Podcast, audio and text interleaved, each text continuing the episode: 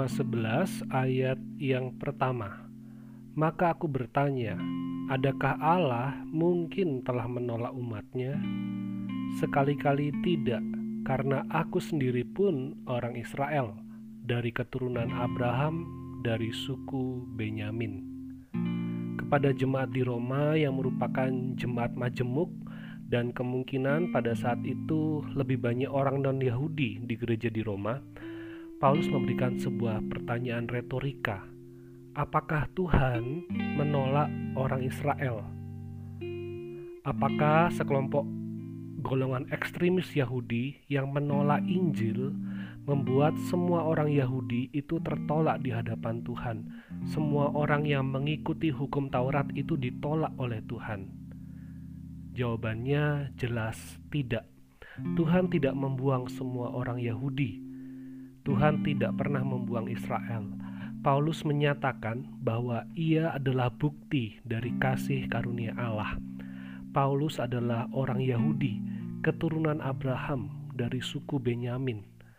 Paulus bahkan punya masa lalu yang dapat ia sampaikan bahwa masa lalu yang kurang baik di dalam kebanggaannya terhadap keyahudiannya dan ketaatannya pada Taurat. Tetapi karena anugerah Allah, terang kasih Kristus mengubahkannya, menunjukkan bahwa janji pemulihan Tuhan atas Israel tetap terjadi sebagaimana yang sudah difirmankan oleh Tuhan di dalam Perjanjian Lama. Bagian ini merupakan bagian penting untuk kita renungkan. Mengenal Tuhan bukan sekedar pengetahuan kita terhadap kitab suci.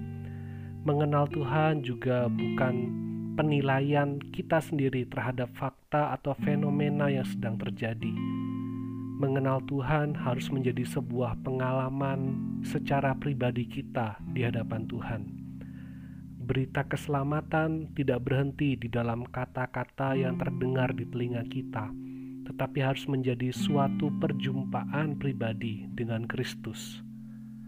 Anugerah Allah lah yang mendatangi kita, dan kita sungguh bersyukur ketika kita boleh mendengar berita Injil dan kita boleh mengerti dan percaya kepada Yesus Kristus. Karena Allah kita ialah Allah yang setia, Allah yang menggenapi firman-Nya, dan Allah yang tidak pernah meninggalkan kita umat pilihannya. Bagian ini ingin menunjukkan kepada jemaat di Roma bahwa tidak ada bagian atau tidak ada golongan yang lebih penting di hadapan Tuhan bahwa Tuhan memilih umat pilihannya seturut dengan hikmat dan kebijaksanaannya, seturut dengan kedaulatannya, baik itu orang Yahudi maupun orang non-Yahudi. Barang siapa yang menerima Yesus Kristus sebagai Tuhan dan Juru Selamat, ia ada di dalam keluarga Allah.